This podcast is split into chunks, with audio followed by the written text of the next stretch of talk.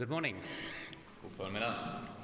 And I bring you greetings from St. Mark's Baptist Church in Bristol, Och Jag hälsar er från St. Marks eh, which is the church that I normally attend, som är den församling jag brukar gå till. and they will be gathering for worship shortly. Och de ska snart samlas till gudstjänst där. Yesterday, many of us were here looking at the Anabaptist tradition, Igår så var vi många samlade här och vi tittade på den anabaptistiska traditionen. A tradition that goes back 500 years. En tradition som är 500 år gammal.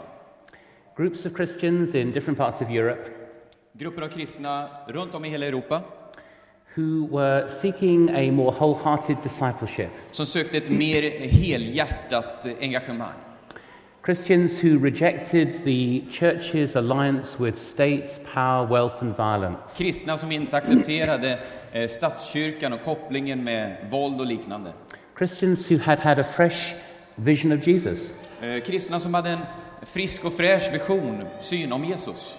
Christians who took seriously what Jesus said about possessions and about violence. Kristna som tog på allvar det Jesus sa om ägodelar och om våld. A movement that planted hundreds of churches across Europe, En rörelse som planterade hundratals församlingar över hela Europa. But a movement that faced, uh, faced fierce opposition, Men en rörelse som eh, upplevde ett oerhört motstånd. a persecuted movement that needed to meet in secret. En förföljd rörelse som fick leva i det fördolda. Very different from what we're doing this morning. Väldigt annorlunda än det vi gör nu den här förmiddagen. One of the core convictions of the Anabaptist tradition was loving the enemy. En av kärnvärderingarna i den anabaptistiska traditionen var att älska sin fiende. And they had plenty of opportunities to practice Och that. de hade många möjligheter att praktisera, utöva det där. Catholics and Protestants were both persecuting them. Katoliker och protestanter, båda förföljde dem. Wherever they went, there were people trying to get hold of them. Varhelst de gick så försökte människor fånga dem. And as they reflected on the situation, they continued to read what Jesus said. Och när de såg den här situationen så fortsatte de att läsa vad Jesus sa. And Pascal this morning is going to read one of their favorite passages from Matthew chapter 5. Och Pascal ska läsa en av deras favorittexter ifrån Matteus kapitel 5. If you have a Bible, you may want to follow. It's Matthew 5 from verse 38. Och Har du en bibel får du gärna slå upp och följa med där i Matteus kapitel 5 och från vers 38. Matteus 5, vers 38. Ni har hört att det är sagt öga för öga och tand för tand. Jag säger er, stå inte emot den som är ond, utan om någon slår dig på högra kinden, så vänd också den andra åt honom. Om någon vill ställa dig inför rätta och ta din livklädnad, så låt honom få din mantel också. Om någon tvingar dig att gå med en mil, gå två mil med honom. Ge åt den som ber dig, och vänd dig inte bort från den som vill låna av dig. Ni har hört att det är sagt, du skall älska din nästa och hata din ovän. Jag säger er, älska era ovänner och be för dem som förföljer er. Då är ni er himmelske faders barn. Han låter sin sol gå upp över onda och goda och låter det regna över rättfärdiga och orättfärdiga. Ty om ni älskar dem som älskar er, vilken lön får ni för det? Gör inte publikanerna det också? Om ni hälsar endast på era bröder, vad gör ni för märkvärdigt med det? Gör inte hedningarna det också? Var alltså fullkomliga, så som er fader i himlen är fullkomlig. Thank you. The Anabaptists uh, loved the Sermon on the Mount. Anabaptisterna, de älskade bergspredikan. They found it very challenging but also inspiring. De fann den väldigt utmanande, men också väldigt inspirerande. This was the way they believed that Jesus wanted us to live. Detta var sättet som Jesus ville att vi skulle leva på. And over the centuries, Anabaptists have told stories Och över århundradena har anabaptisterna berättat berättelser. stories about people in their tradition who have tried to put these things into practice. Berättelser från deras tradition om människor som försökt att applicera och leva ut de här verkligheterna. And this morning, I want to tell you probably the most famous Anabaptist story. Och den här förmiddagen så vill jag berätta den kanske mest kända och berömda anabaptistiska berättelsen.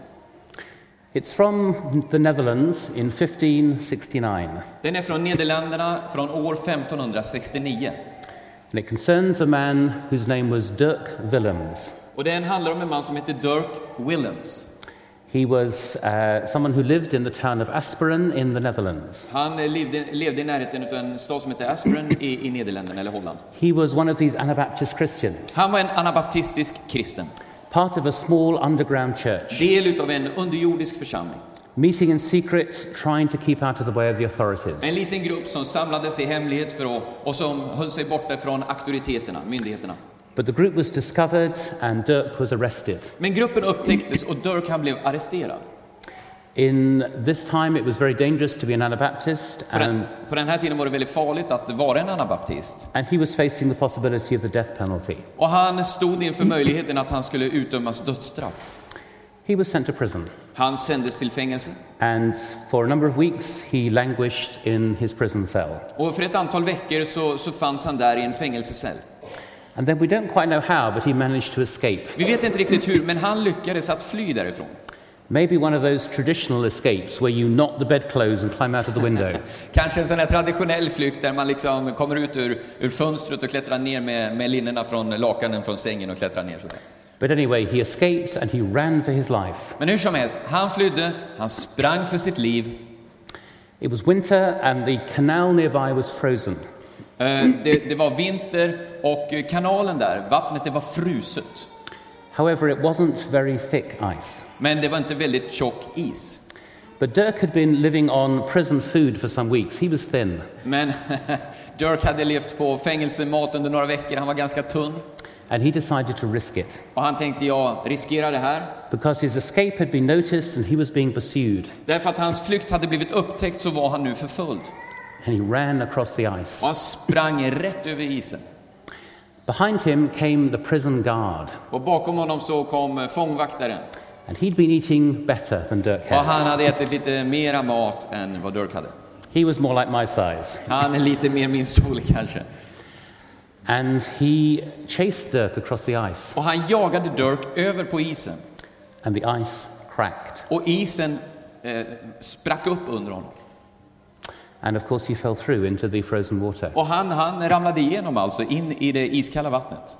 What does Dirk do? Vad gör nu Dirk? What would you have done? Vad skulle du ha gjort? Do you carry on running and make good your escape? Så springer du bara på då och eh, så lyckas du i din flykt. Dirk turned round and rescued his pursuer. Dirk, han vände sig om, sprang tillbaks och räddade den här eh, förföljaren. Pulled him out of the water and back onto dry land. Drog upp honom ur vattnet, tog honom upp på land. At that point, the guard was quite happy to let Dirk go. Och vid den tidpunkten så var ju vakten väldigt eh, nöjd och glad och kanske släppa Dirk. But other people had also joined the chase, Men andra hade också varit med i jakten. and they called out to the guard to seize Dirk once Och de again. ropade till den här vakten, fånga honom! Dirk was arrested and imprisoned again, more securely this time. Dirk, han togs till fånga, han arresterades och sattes eh, i fångcell som var lite mer bevakad den här gången. The prison was actually the church tower in Asperen. Fängelset var faktiskt kyrktornet i Aspen. A few weeks later, Dirk was put on trial and convicted, Tre eh, veckor senare så sattes han eh, inför rätta och dömdes skyldig. and he was executed. Och han blev avrättad. He was burned at the stake. Och han brändes på bål. And through the centuries since then, Anabaptists have discussed that story, Och århundradena efter det så har anabaptisterna diskuterat det här. and they've asked a number of questions. Och de har ställt sig ett antal frågor kring det här. Why did Dirk turn back? Varför vände Dirk tillbaka? Was that the right thing to do? Var det rätt att göra så? Would it have been better to escape and continue living? Skulle det ha varit bättre om han hade flytt hela vägen och, och, och räddat sig själv? And then the more difficult questions Och sen svårare frågor. what would I have done? Vad skulle jag ha gjort? Can I invite you to talk to the person next to you for a couple of minutes? Får jag bara ett ögonblick här, ett par minuter, be dig samtala lite med din granne? I don't know if you do this in your Jag vet church, inte om ni gör så här i er kyrka. But I'm a strange Englishman. I don't know the rules Jag here. är en konstig britt här så jag vet inte hur man ska be- bete sig. Just for a moment, talk to each other. What do you think of this story and what would you have done? Men för ett ögonblick, några minuter, tala om den här berättelsen. Vad skulle du ha gjort?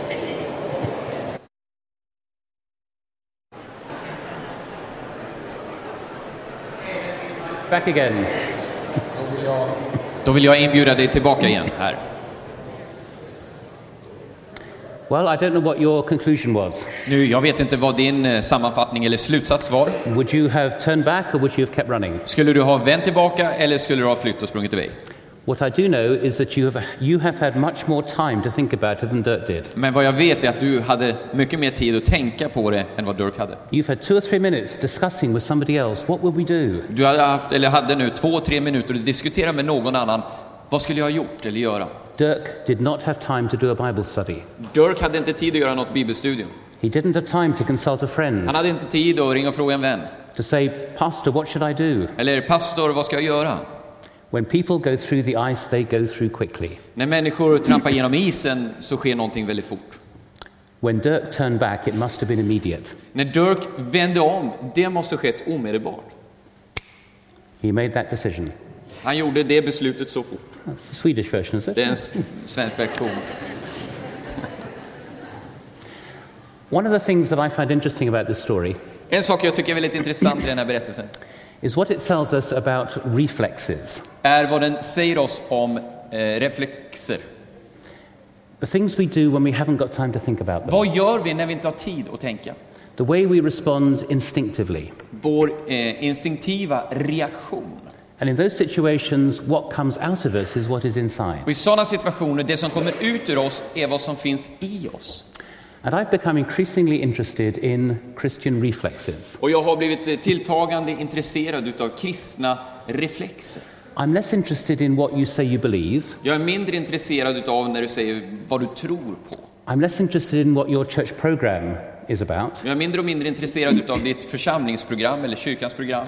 And I'm more interested in how you and I react in emergency Och jag är mer situations. och mer intresserad utav hur reagerar du och jag omedelbart i olika situationer? What kind of people are we? Vilken sorts typ av människor är vi? What habits are we developing? Vilka vanor utvecklar vi? How do we respond to conflict or under pressure? Hur gensvarar vi till konflikt eller att stå under ett tryck? What are our real values? Vad är våra verkliga värderingar? Because I believe it's these reflexes that show who we really are. För jag tror att det är de här reflexerna som visar vilka vi verkligen är. And I think it's those reflexes that either attract people or repel them. Och jag tror att det är de här reflexerna som antingen, antingen attraherar människor eller som, som skrämmer människor. And I believe that following Jesus is about developing different kinds of reflexes. Och jag tror att följa Jesus handlar om att utarbeta reflexer. Jesus was not conventional or predictable. Jesus var inte konventionell eller förutsägbar. Jesus said and did surprising and disturbing things. Jesus sa och gjorde eh, överraskande och störande saker. So it's a tragedy when the church becomes conventional and predictable. Så det är tragiskt när kyrkan blir konventionell och förutsägbar. It's a tragedy when we do just what's expected of us, Det är en tragedi när vi bara gör vad som förväntas av oss. when we say things that people expect us to När say. vi säger de saker som människor bara förväntar att vi ska säga. To be followers of Jesus means to be countercultural, Att vara efterföljare till Jesus är att vara motkulturella, unpredictable, surprising. oförutsägbara, överraskande. And that seems to be something that the early church understood. Och det verkar vara någonting som den tidiga församlingen eh, förstod. There are stories like the stories of Dirk from the early centuries. Det finns från de tidiga århundradena liknande berättelser som den eh, om Dirk. And people around weren't quite sure what to make of these Christian communities. Och människor som var runt omkring, de visste inte riktigt vad, ska, vad de skulle göra med de här kristna samhällena eller församlingarna. They had strange beliefs, De har ju konstiga trosåskådningar. but there was something about them that was attractive. Men det finns någonting hos dem som är attraktivt. And a friend of mine who is an early church historian en vän till mig som är en, en eh, historiker eh, av den tidiga församlingen uses the term fascination evangelism använder termen eller ordet fascinationsevangelisation to describe why the early church grew so fast. för att beskriva hur den tidiga församlingen växte så fort. People were fascinated by the way these Christians lived. Människorna var fascinerade utav de här första kristna. And I think the Anabaptist tradition picked up something of that same ex- expectation of living differently. Och jag tror att den anabaptistiska traditionen plockar upp någonting utav det där förväntan att leva på ett annat sätt eller på ett annorlunda sätt. Like all Christians, like all of us, they were far from perfect. Precis som alla kristna och precis som vi, de var långt ifrån perfekta de också. But they were drawn back to the stories of Jesus in the Gospels. Men de var eh, attraherade tillbaka till berättelserna om Jesus i evangelierna. And they kept asking, What does it mean to follow him? Och de ställde frågorna om igen. Vad betyder det att följa honom? And because of that, they also did surprising things. Och på grund av det så gjorde de också en del överraskande saker. Well, that's a story from nearly 400 years ago. Ja, det där är en berättelse från mer än 400 år sedan. Let me tell you another Anabaptist story from just a few years ago. Låt mig få berätta en annan anabaptistisk berättelse för bara några år sedan. And it may be a story that some of you know. Kanske en berättelse som en del av er har hört om. It's a story of a tragedy in America. Det är en berättelse och en historia om någonting, en tragedi som hände i USA. A few years ago, in the small community of Nickel Mines, Pennsylvania, Det, finns, det fanns ett litet samhälle i Nichols Mines eh, i Pennsylvania i USA. A deranged gunman broke into a small schoolroom Och en, en, eh, vad säger man, en, en, en man som med, med skjutvapen alltså trängde sig in på en skola and shot dead a number of children and Oh. their teacher. och sköt ner ett antal barn och deras lärare. This was an Amish community school. Det här var en, en eh, skola i den amiska samhället och kulturen. You probably know something about the Amish. Jag tror att ni vet någonting om amish-samhället. These are the people who dress in a very old fashioned way Det är de här människorna som klär sig på ett väldigt gammaldags sätt. and they drive horse and buggies rather than cars. Och de, de åker hellre med häst och vagn än att köra bil. They seem to live in a different century. De lever, tycks leva som i ett annat århundrade. And tourists go to see what they're like. Och turister går dit för att se hur de, de ser ut. And this story caused outrage across the world. Och den här berättelsen den skapade ett ramaskri över hela världen. Small children being shot by a gunman for no good reason. Små män som sköts ner utav en ondsint man utan någon som helst anledning. And there was enormous sympathy for this community. Och man upplevde en väldig sympati de här människorna för det som hade inträffat. But within a few hours, something different was being reported. Men inom några timmar så började man rapportera någonting annat härifrån. Because almost immediately, the leaders of this community Därför nästan omedelbart så gick ledarna i det här samhället ut had publicly expressed their forgiveness, och eh, offentligt tillkännager sin förlåtelse. their forgiveness for the man who had done this to their children. Sin förlåtelse till mannen som har gjort det här mot deras barn. And the reaction of the media was very mixed. Och eh, reaktionen från media var väldigt blandad. They said it's too soon. De sa det är alldeles för snart att göra något sånt. You can't forgive that quickly. Man kan inte förlåta det där så fort. This is a superficial response. Det här är en eh, övernaturligt eh, gensvar. Förlåt. Ja, förlåt, en, förlåt, en ytlig eh, respons. And the Amish community began to be criticized for forgiving. Och eh, Amish-samhället de blev kritiserade för att de förlät. It was surprising, it was odd. Det var annorlunda, ovanligt, det var överraskande. But as the days and weeks went by, the forgiveness continued to be expressed. Men som veckorna gick så fortsatte man att, att eh, lyfta fram den här förlåtelsen. Members of the community went to visit the family of the gunman. Eh, Människorna i Amish-samhället de gick för att besöka den här mannen som har gjort det, hans familj. And they expressed comfort and sympathy to the family. Och de uttryckte sympati och, och, och medkänsla med den här familjen.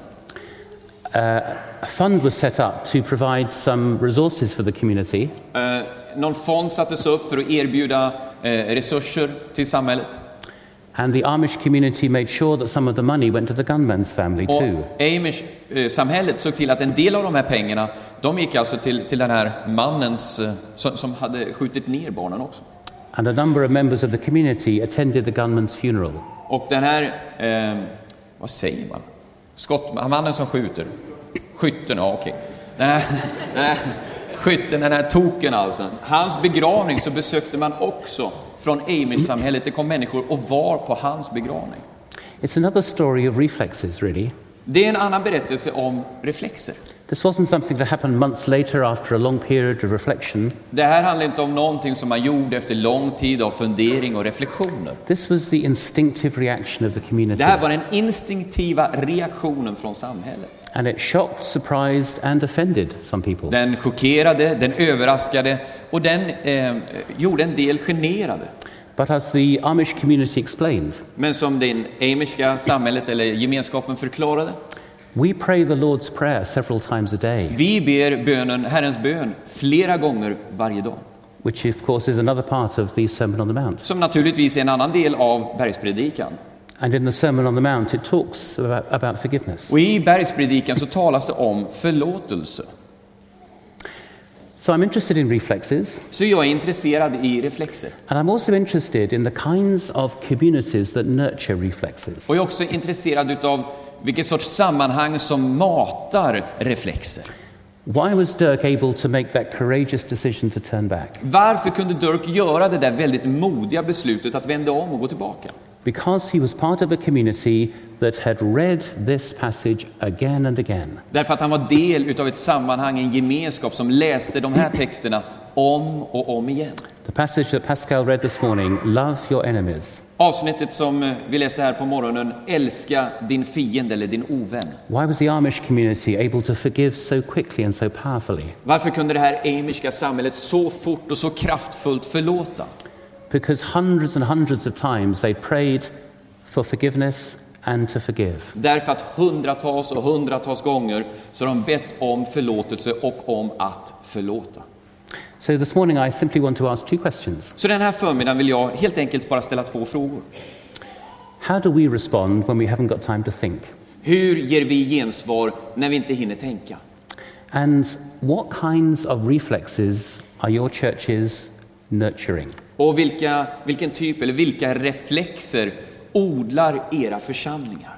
Or my church? Eller min församling? Or my reflexes? Eller mina reflexer?